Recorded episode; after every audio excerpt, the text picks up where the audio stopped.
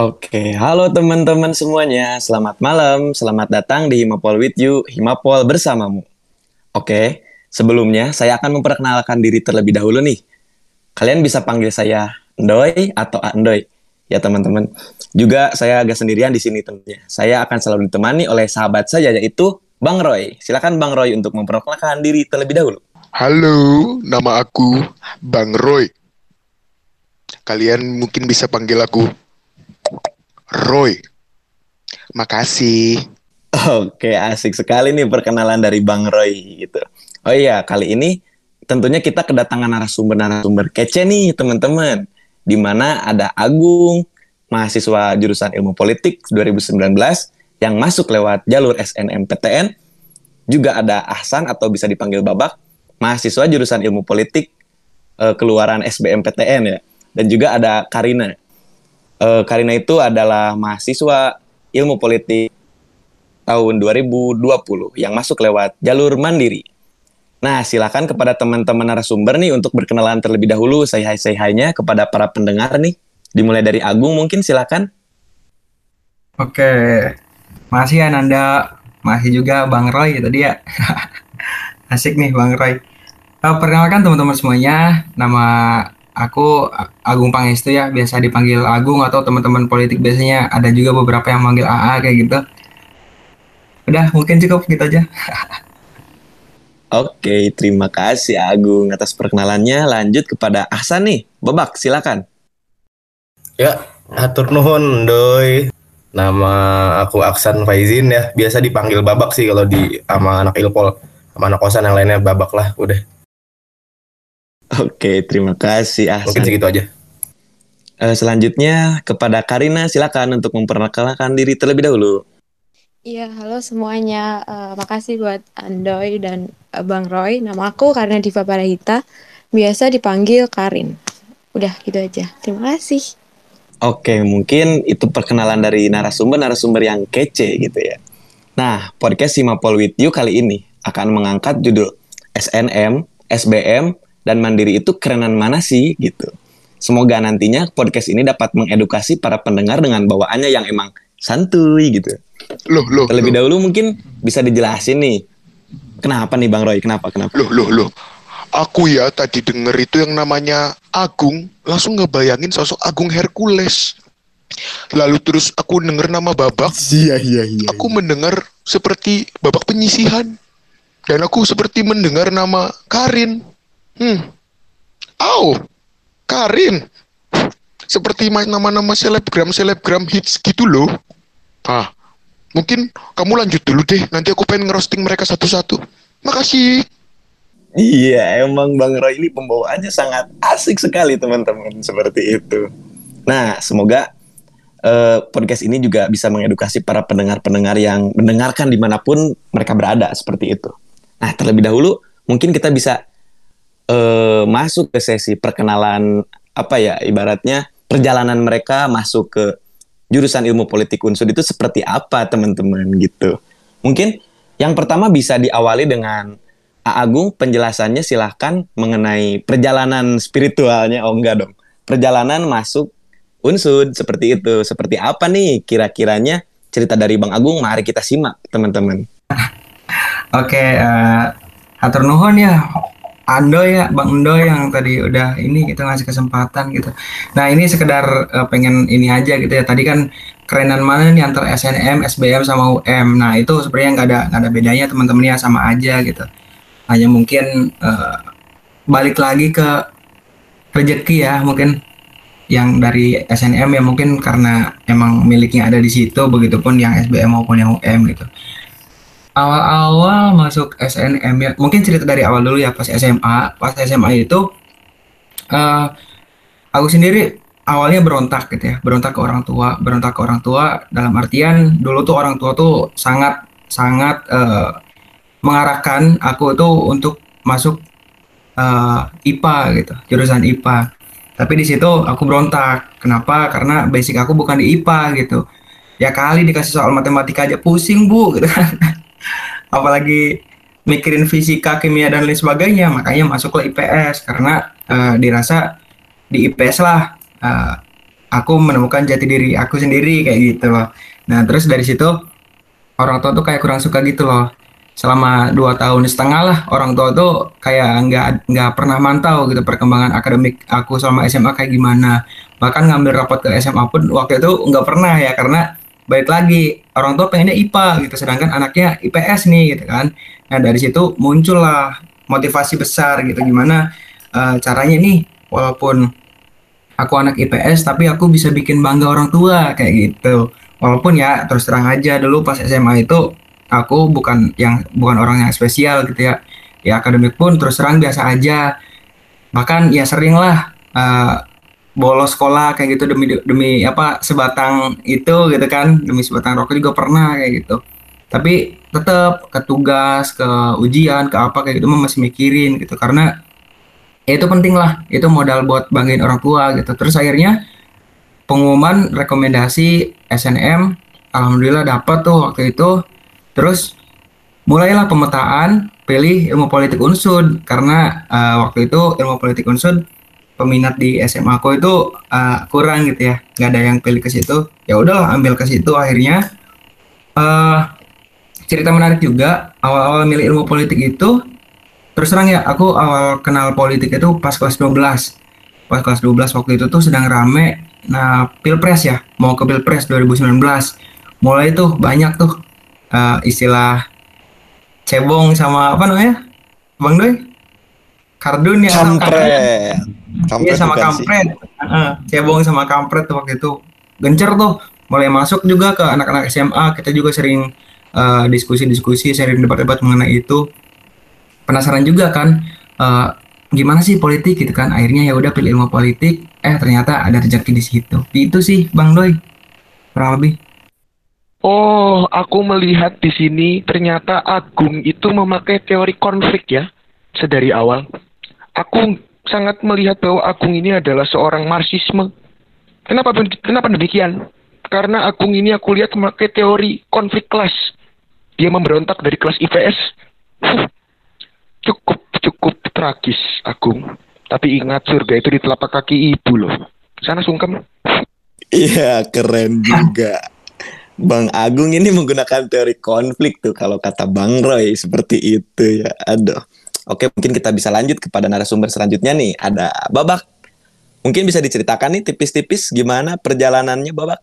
Iya, uh, mungkin ya dari awal uh, melanjutkan yang tadi Agung ya uh, kurang setuju sih apa yang kata Agung SNM SBM mandiri kerenan mana uh, ya bukan bukan gak setuju sih maksudnya setuju itu nggak bisa dijadiin patokan keren karena menurut gue sendiri patokan keren itu ada di orangnya ya gue emang orang keren emang gue keren aja ya lu yang semua merasa keren ya keren aja kan kalau Om Roy sih kayaknya nggak keren sih ya ya udah lanjut aja nih balik ke topiknya deh gimana gue bisa masuk kalau ke... pede sih oh pede kan gue keren ini enggak lah kerenan Om Roy. Oke Om, aku ngalah. Jadi gimana sih uh, biar bisa masuk SBM itu? Eh unsut ya di sini. Jadi emang dari SMA aku sendiri emang udah di apa ya? Dibebasin lah sama orang tua khususnya gitu. Mau ke IPS atau ke IPA yang kayak, tadi cerita Agung, aku bedanya di situ udah dibebasin lah. Di sekolah juga ya uh, nilai akademik aku nggak terlalu uh, bagus banget. Nah, ada satu waktu emang dari kelas 10 dari kelas 1 SMA aku udah nggak mikirin gitu uh, aku pengen ke sini pemetaan pemetaan aku gitu mau ah uh, aku mau usaha nih biar dapet SNM yang bagus kayak bisa misalkan ke UI anak-anak Jabodetabek tapi kan di situ karena emang aku ya emang udah merasa wah kalau emang kayak gini doang nih bela cara belajarnya gua gitu. Gak mungkin nih gua dapet SNM ya udahlah nggak apa-apa masih ada SBM dan mandiri. Ya udah di situ aku mulai kelas 11 kelas 12 langsung tuh gencar-gencarnya. Uh, gimana ya biar bisa masuk? Ya udah belajar. Jadi mungkin dari ya habis UTBK aja gitu ya habis UTBK ya lihat nilai kita bisa rasionalisasiin sendiri uh, gimana sih nilai segini masuknya ke mana ya mulailah daftar-daftar eh, mulailah cari referensi daftar gitu. Uh, pilihan pertama mungkin aku waktu itu ke Unpad ya karena masih ya pengen banget nih ke Unpad. Yang kedua baru eh, mikir-mikir nih ah, yang aman di mana? Kebetulan banyak yang udah masuk di unsut dan alumni unsut deket-deket rumah aku tetangga aku gitu.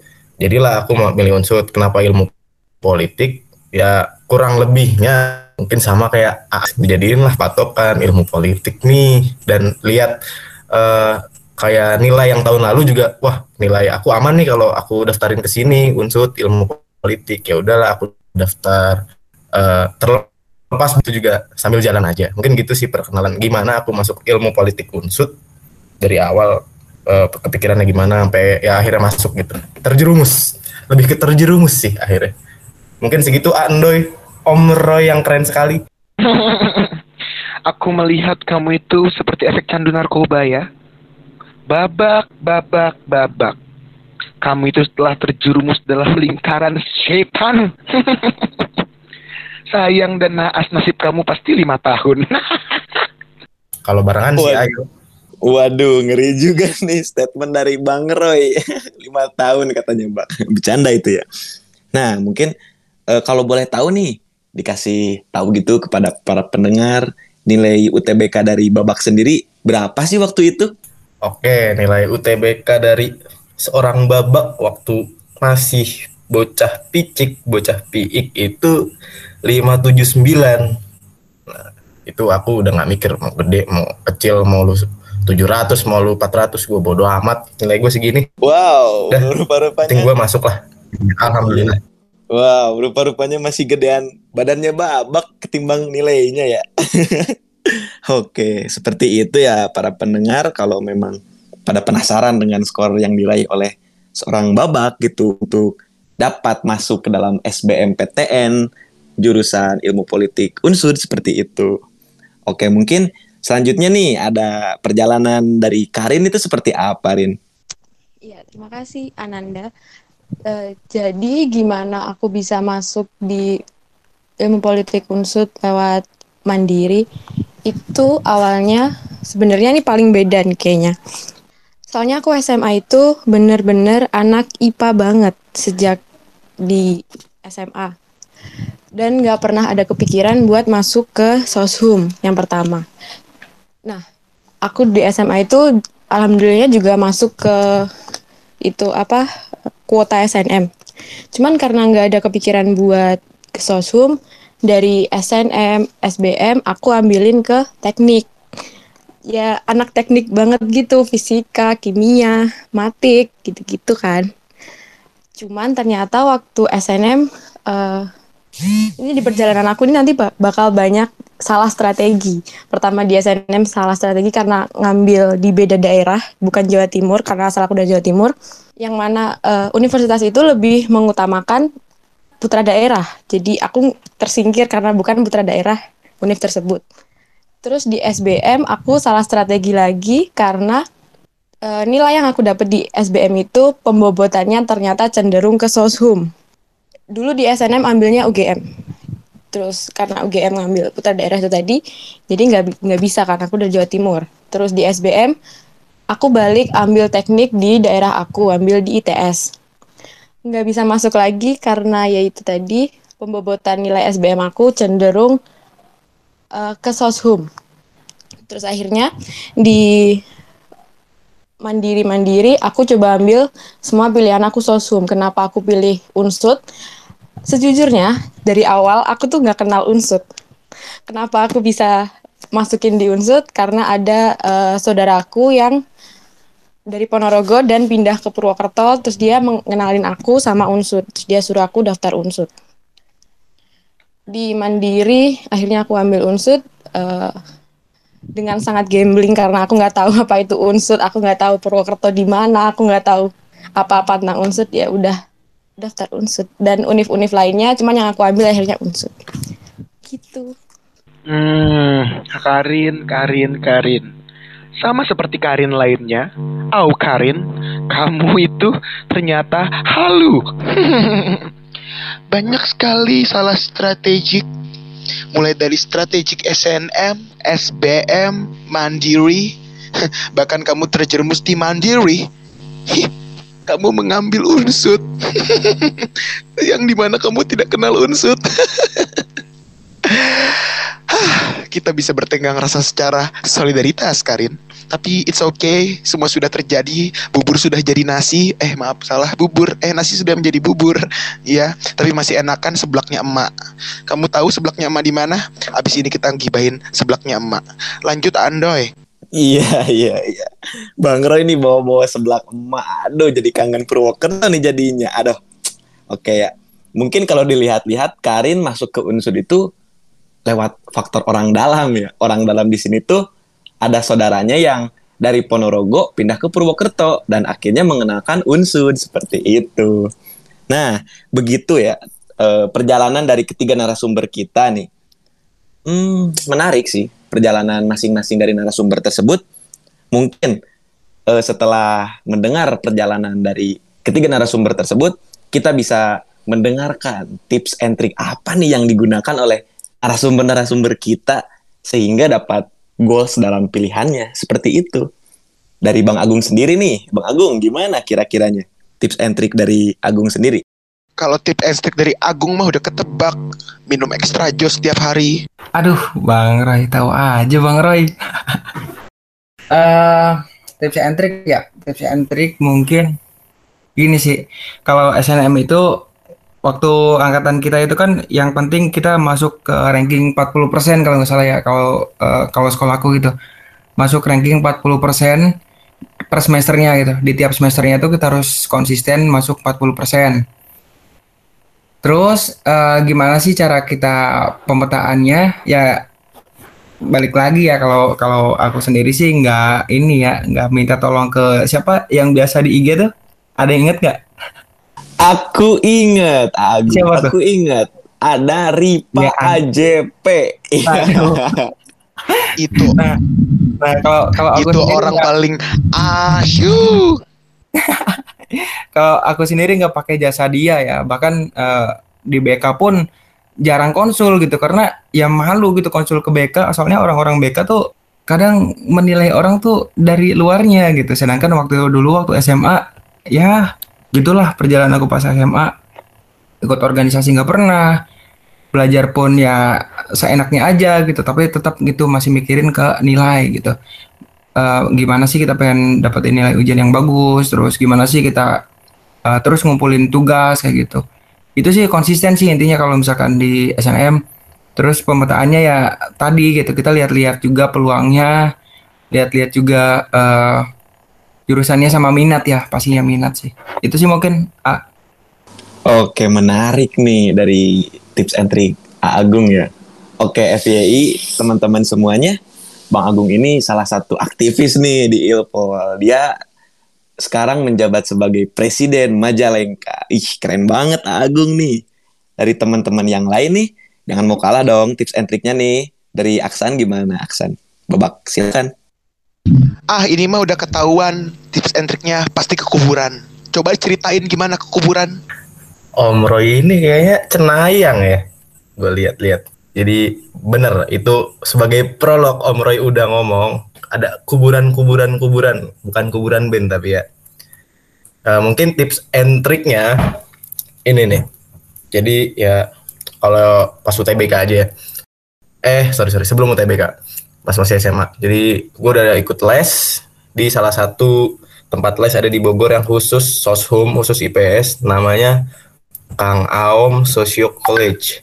Nah, itu tuh tempat les yang unik. Dia ngajarin bagaimana cara ngerjain soal yang bentuknya eh, kayak USBN, UN, UAS sekolah, atau bahkan UTBK atau kita kenal kayak dulu tuh SBMPTN ya, soal-soal SBMPTN kayak gitu. Itu di- diajarin gimana cara triknya, eh, gimana cara ngejawabnya, eh, dan poin eh, sistem poin-poinnya. Nah, aku ikut itu dari kelas 1 SMA. Kenapa? Karena kakakku juga ikut di situ. Kakakku juga ya masuk di Undip alhamdulillah waktu itu. Jadi aku ikut jejak kakakku aja lah ikut masuk kelas di situ. Nah, ini nggak tahu tips atau trik ya. Pokoknya tips dan triknya ya diajarin cara ngerjain soal dengan nalar baik dengan nalar atau ataupun emang beneran ada ilmunya. Eh, nggak tahu pokoknya pas UTBK itu sebelum UTB sebelum UTBK kita habis UN tepatnya habis UN kita kayak ziarah Eh, ini nggak tahu nih tips atau trik nih ini tips atau trik nggak tahu ini namanya apaan eh kita ziarah. Emang ada program ziarah dari tempat les aku itu ke Cianjur salah satu makam kayak yang atau makam eh, sesepuh lah di Cianjur. Kita berdoa di situ. Habis berdoa ya berdoa memanjat, memanjatkan ke Tuhan melewati perantaranya itu. Habis itu kita eh, di satu rumah ngumpul kayak ya cuman istirahat minum teh gitu itu itu dikasih doa dikasih doanya tuh bukan bukan kayak eh, didoain sama orang satu orang kita lagi ngumpul duduk melingkar gitu ya doain bukan kita dikasih salah satu doa untuk dibaca setiap habis sholat gitu ya setelah aku cek sih eh mungkin anak-anak eh, les aku bilang dia ya ledek-ledekan aja sih ceng-cengan biasa. Dukun. Ayo ke dukun nggak? Ke dukun nggak? Kalau mau les tuh gitu. Kalau mau les tuh gitu. Eh dukun nggak? Ke dukun nggak? Gitu. Doanya itu ya eh, sorry sorry sorry. Doanya itu ini aku setelah aku cek sih emang ada penggalan ayat di al-baqarah kalau salah emang itu. Itu katanya kiat-kiatnya. Kayak puji-pujiannya aku kiat-kiatnya gitu. Baca habis sholat eh, 10 kali atau 11 kali karena harus sehari itu 51 kali. Dan itu juga eh, ini ya harus usaha juga. Nggak nggak mungkin gamblang lu habis doa gitu lu langsung dapet. Itu juga kalau bisa gua nggak minta rumah sama mobil begitu mah gak usah minta kuliah. Apain capek-capek ya nggak? Habis itu namanya dong, kampret. apa? Ya ya manusia mana yang nggak mongkak bos. Bos Roy Om Roy Bang Roy. Sama eh, kalau di sekolah sih aku nggak terlalu ini percaya ke BK ya. Karena emang aku nggak suka ngobrol orangnya. Aku nggak inilah kalau SMA tuh ke BK karena menurut aku kalau ke BK itu aku belanja sih ya. Aku belanja sapu belanja eh, sabun beli rokok. Kalau ke BK tuh ke BK tuh nggak pernah nanya nilai. Ngapain sekarang ke BK nanya nilai? Kayaknya kita lain BK deh, Bro. Kayaknya Oh, kita lain BK deh. Oh BK, oh BK bursa kampus yang oh iya iya. Sorry sorry sorry sorry sorry. Karena ini udah di udah in love banget lah sama Purwokerto. Jadi gitu lah BK tuh yang gue tahu bursa kampus. Nggak bisa yang lain. Nggak ada tuh. Bimbingan konseling nggak ada. Ya mungkin habis itu belajar belajar lah. Kiat yang lain belajar eh, latihan soal. Ya mungkin aku gitu. Ada modul juga sih soalnya dari tempat les aku. Dia soal. Ya terus eh, lancarin berdoanya itu sama minta yang bener lah ke Tuhan itu. Cara berdoanya mungkin kalau aku ya aku beneran spesifik gitu doanya mau ke sini tahun ini dengan cara begini. Nah, apa yang aku sampaikan ke Tuhan tuh begitu. Sama sama usaha juga. Mungkin segitu sih ya yang mungkin yang punchline di kuburan tadi itu. Emang beneran gue ke kuburan kalau lu mau percaya semua Babak, babak, babak. Lucu sekali ya. Dia lebih percaya sama dukun ketimbang sama BK. Dan BK-nya sekalinya percaya sama BK, BK-nya bursa kampus. Beli sabun. Eh, BTW, sabun buat apa ya? Ups. buat mandi dong om sebelum mandi itu ngapain Iya, iya, iya. Menarik juga nih. Perjalanan atau tips and trick dari seorang babak. Aduh. Kalau dilihat-lihat itu doanya 11 kali udah kayak line up. Ini ya main bola. 11 orang. Oh, enggak, beda. Oke, mungkin itu ya tips and trick dari seorang babak yang pergi meram, menjambah, menjambah lagi. Merambah ke hal-hal yang mistis seperti itu ya. Tapi banyak jalan menuju Roma sih, teman-teman kita semua memiliki jalan yang berbeda tetapi akhirnya ditempatkan di dalam satu jurusan ilmu politik seperti itu. Yang terakhir nih ada Karin, kiranya gimana nih tips and trick dari seorang Karin untuk dapat masuk ke dalam unsud melewati jurusan eh jurusan lagi melewati eh, jalan ujian mandiri. Silahkan Karin. Tadi dulu, sebelum Karin masuk aku tahu. Pas di kamu itu paid promote, terus endorsement, dan juga mm, mm, getting drunk sebelum masuk unsut. Coba dijawab Karin. Iya kalau pet promote-nya buat gedein uang pangkal sih kayaknya bener sih ya kak ya. Nah jadi eh buat tips and trick masuk mandiri di unsut sih, kalau dari aku pertama tahu dulu nilai dari SB nilai UTBK kita tuh eh, pembobotannya cenderung di mana. Jadi kayak misalkan ada ada empat empat sub nilai. Nah itu dari satu persatu itu ada kecenderungan buat masuk di jurusan mana. Jadi misalkan eh, tingginya di kuantitatif berarti bisa di teknik dan lain-lain lain-lain. Jadi gitu. Sementara aku waktu itu gedenya ada di eh, subnilai untuk soshum. Jadi aku masukin ilmu politik di pilihan satu dan sosum yang lain-lain lain. Cuman waktu itu aku sendiri masukin uang pangkalnya sih yang terendah mungkin karena nilainya sudah mem- memenuhi atau gimana juga kurang tahu sih ya tips and triknya nggak tahu gitu doang karena game emang gambling masuk unsur Oh, begitu cara kamu masuk unsur.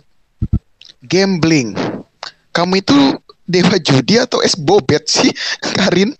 Bisa-bisanya kamu gambling masuk unsur. Tapi anyway, uh, anyway by the way, uh, keliling Jakarta naik busway, kamu itu emang apa ya? Kalau bisa dibilang tuh the lucky swan. Salah satu orang yang beruntung gitu. Tapi bicara masalah uang pangkal, jangan berharap banyak deh. Namanya juga birokrat gitu kan. Otomatis kapitalistik. Ya, begitulah adanya. Harus kamu menjadi kapital, oke? Semuanya jangan lupa jadi kapital. Iya, seperti itu ya statement dari Bang Roy. Eh, Karin ini salah satu mahasiswa yang beruntung ya. Tuh teman-teman, nggak harus gede-gede kok kalau mau masuk unsud lewat ujian mandiri juga. Bisa apa ya mengisi uang pangkal paling rendah juga kalau kata Karin gitu. Intinya semua ada rezekinya masing-masing lah. Kalau udah jalannya ya pasti masuk gitu mau apa pun jalannya dan berapa puluh juta misalnya ya yang diberikan gitu kalau memang belum rezekinya ya kita bisa apa gitu. Kita bisa merencanakan aja. Dan Tuhan yang menghendaki seperti itu teman-teman. Nah, yang terakhir nih. Dan Aku Om kepo. Roy yang gibahin. Oh, Omra yang gibahin. Oke, yang terakhir nih sebelumnya aku penasaran gitu. Kenapa sih kalian bisa pilih jurusan ilmu politik Unsud, teman-teman? Kenapa gitu? Mungkin bisa dimulai dari Agung aja atau dari ya silakan Agung. Oke.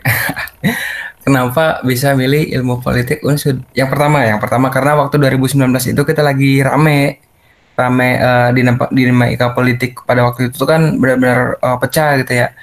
Mulai dari eh, cebong sama kampret dan lain sebagainya. Terus ada beberapa eh, organisasi yang katanya sih menaungi milenial, tapi waktu itu tuh sebenarnya condong ke salah satu paslon gitu ya. Adalah pokoknya.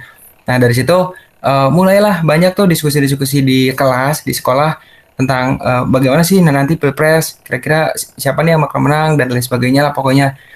Dari situ kayak eh pengen kenal gitu sama politik. Politik tuh gimana nih gitu. Kalau yang aku denger sih politik ya ya politiknya yang jelek-jelek aja gitu kayak korupsi lah dan lain sebagainya. Pokoknya itu itu politik gitu. Tapi kayaknya ada ada ada hal baik nih dari politik gitu. Kayak penasaran aja gitu di di balik dari dari itu tuh apa sih kayak gitu. Terus akhirnya milih ilmu politik ya nggak munafik ya. Lihat peluang juga gitu. Karena punya nilai segitu ya udah ambil ilmu politik. Dan akhirnya masuk. Alhamdulillah sampai situ masuk. Terus ketemulah sama kalian-kalian semua nih. Orang-orang gila ya. Ada Andoy ada Om Roy ada Yuda ada Syapik ada Asan dan sebagainya lah. Ternyata mereka punya wawasan yang luas gitu. Wow kok mereka bisa dapetin wawasan yang sedemikian luasnya? Kok mereka bisa ngo- ngomong selancar itu gitu? Kok mereka bisa seluas itu gitu? Tahu banyak hal tentang politik. Lah aing ngerti naon anjir gitu tentang politik gitu kan waktu itu. Sampai pernah nanya loh waktu pertama kali ketemu sama Mas Abid ya waktu itu. Mas bisa punya pemahaman sampai seluas itu gimana gitu? Karena terus terang pertama kali ngumpul tuh minder minder tapi ya alhamdulillah seiring berjalannya waktu teman-teman juga banyak bantu lah proses di situ banyak kebantu senang aja pokoknya bisa bareng-bareng sama teman-teman politik itu mungkin Andoy Oke, itu merupakan apa ya alasan kenapa dia memilih ilmu politik unsud. Kalau aku sih lebih ke emang cita-cita aku pengen jadi birokrat, teknokrat atau aristokrat seperti itu ya teman-teman. Tidak muluk-muluk sebenarnya. Oke, dari Babak nih gimana Babak kiranya? Eh, eh, cita-cita Apa, lo tuh Roy? muluk-muluk. Jangan deh, jangan ibaratnya eh, pengen jadi teknokrat, aristokrat. Ih, lihat dong, grafik lulusan paling banyak di Unsud masuk mana? mandiri. Syukur-syukur mandiri syariah. Iya iya iya iya. Halo, Bang Roy suka mematahkan semangat kita nih Bang Roy ya. Bercanda deh. Kiranya tuh kalau dari aku ya, gimana dari Ahsan kiranya nih? Ya, kalau dari gua sih ya balik lagi sih hampir sama kayak Agung gitu. Trigger awalnya gara-gara ya kita bisa lihat di media, apalagi waktu itu tahunan kita lulus tahun politik bisa dibilang ya 2019 gitu. Eh, sebelum-sebelumnya juga udah ada ketika kita udah 17 tahun gitu bisa menggunakan hak pilih gitu. Kita kan jadi lebih apa ya? Lebih penasaran gitu. Apa sih yang mau kita pilih? Ini siapa sih? Ini apaan gitu. Nah, mungkin di situ trigger awalnya eh, untuk mengetahui politik gitu ya. Bagaimana sih politik itu? Apa- Apakah emang benar-benar kotor gitu ya kan? Kemudian ada satu lagi yang gue lihat kayak wah politik nih kayak keren dan kebetulan seperti yang tadi gue bilang gue orang keren barangkali nih ya gue orang keren masuk ke yang keren jadi keren keren keren keren gitu. Keren kuadrat. Nah terus apalagi ya gue juga bingung. Ya balik lagi nggak munafik juga karena nilai awal ya terus lihat politik ya oh ada trigger nih ke sana yang kata gue tadi gara-gara ada pilpres pilkada segala macamnya. Sama mungkin apa ya di di lingkungan gua gitu yang sering eh, ngobrolin ke arah sana gitu mancing-mancingnya meskipun gak terlalu dalam seperti setelah saya mengenal mengenal anda anda ini yang waduh waduh wadaw gitu. Nggak ngerti gue lu ngomong apaan semuanya sebenarnya gitu. Eh, mungkin yang sering gua eh, apa ya obrolin di lingkup-lingkup gua waktu itu di rumah atau di tongkrongan mana A B C D yang segala macam mungkin yang sering nyinggung ke arah entah politik itu ada gua sama temen gua salah satu orang gitu ya mungkin itu sih triggernya. Dan setelah masuk atau yang tadi gue bilang terjerumus gitu. Ternyata anak-anaknya berisi tapi kurang berakhlak itu itu sih mungkin ya karena trigger gue dikit juga sih. Ya intinya sih intinya karena mau kuliah dan nyari aman dan ternyata sedikit nyaman eh nggak taunya. Eman eman dah lu kalau masuk sini Ya, pada dasarnya semua manusia adalah serigala buat manusia lain. Babak, babak. Makanya kita semua tidak berakhlak. Iya, tidak berakhlak kalau kata Om Bro ini ngeri juga nih bahasanya. Oke, mungkin terakhir nih dari Karin, gimana dari Karin? Silakan. Iya, terima kasih Kak. Eh, jadi kenapa di sosum yang aku pilih itu ilmu politik? Kan aku di awal kan nggak tahu ya eh, di sosum tuh ada apa aja, ngapain aja. Nah, eh, aku tuh di ada dalam lingkungan keluarga dan pertemanan yang masih dekat dengan perpolitikan. Jadi keluarga aku ada beberapa yang terjun di politik, saudara-saudara aku ada beberapa. Nah, di situlah, di situlah kenapa akhirnya aku pengen mengetahui lebih dalam tentang politik itu sendiri secara luas.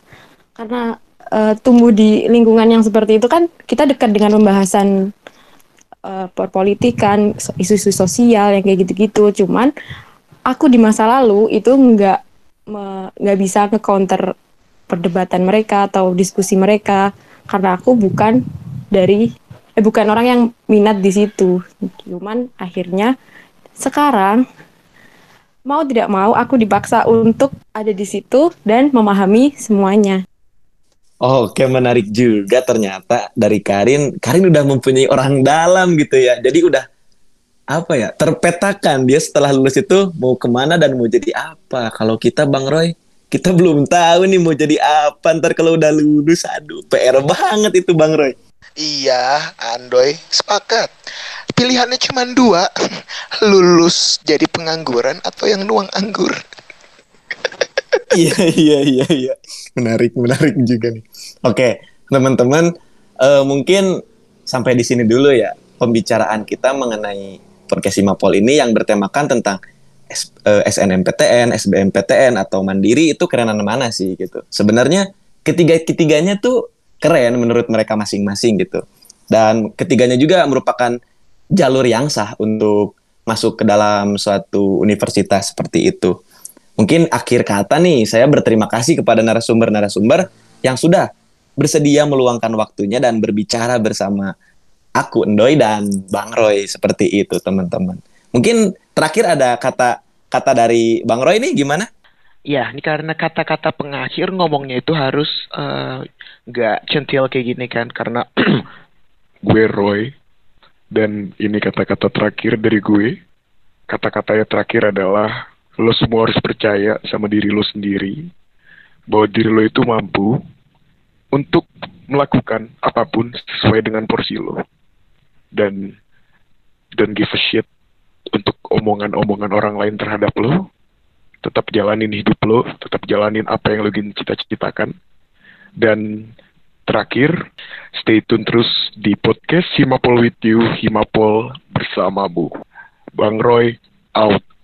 Roy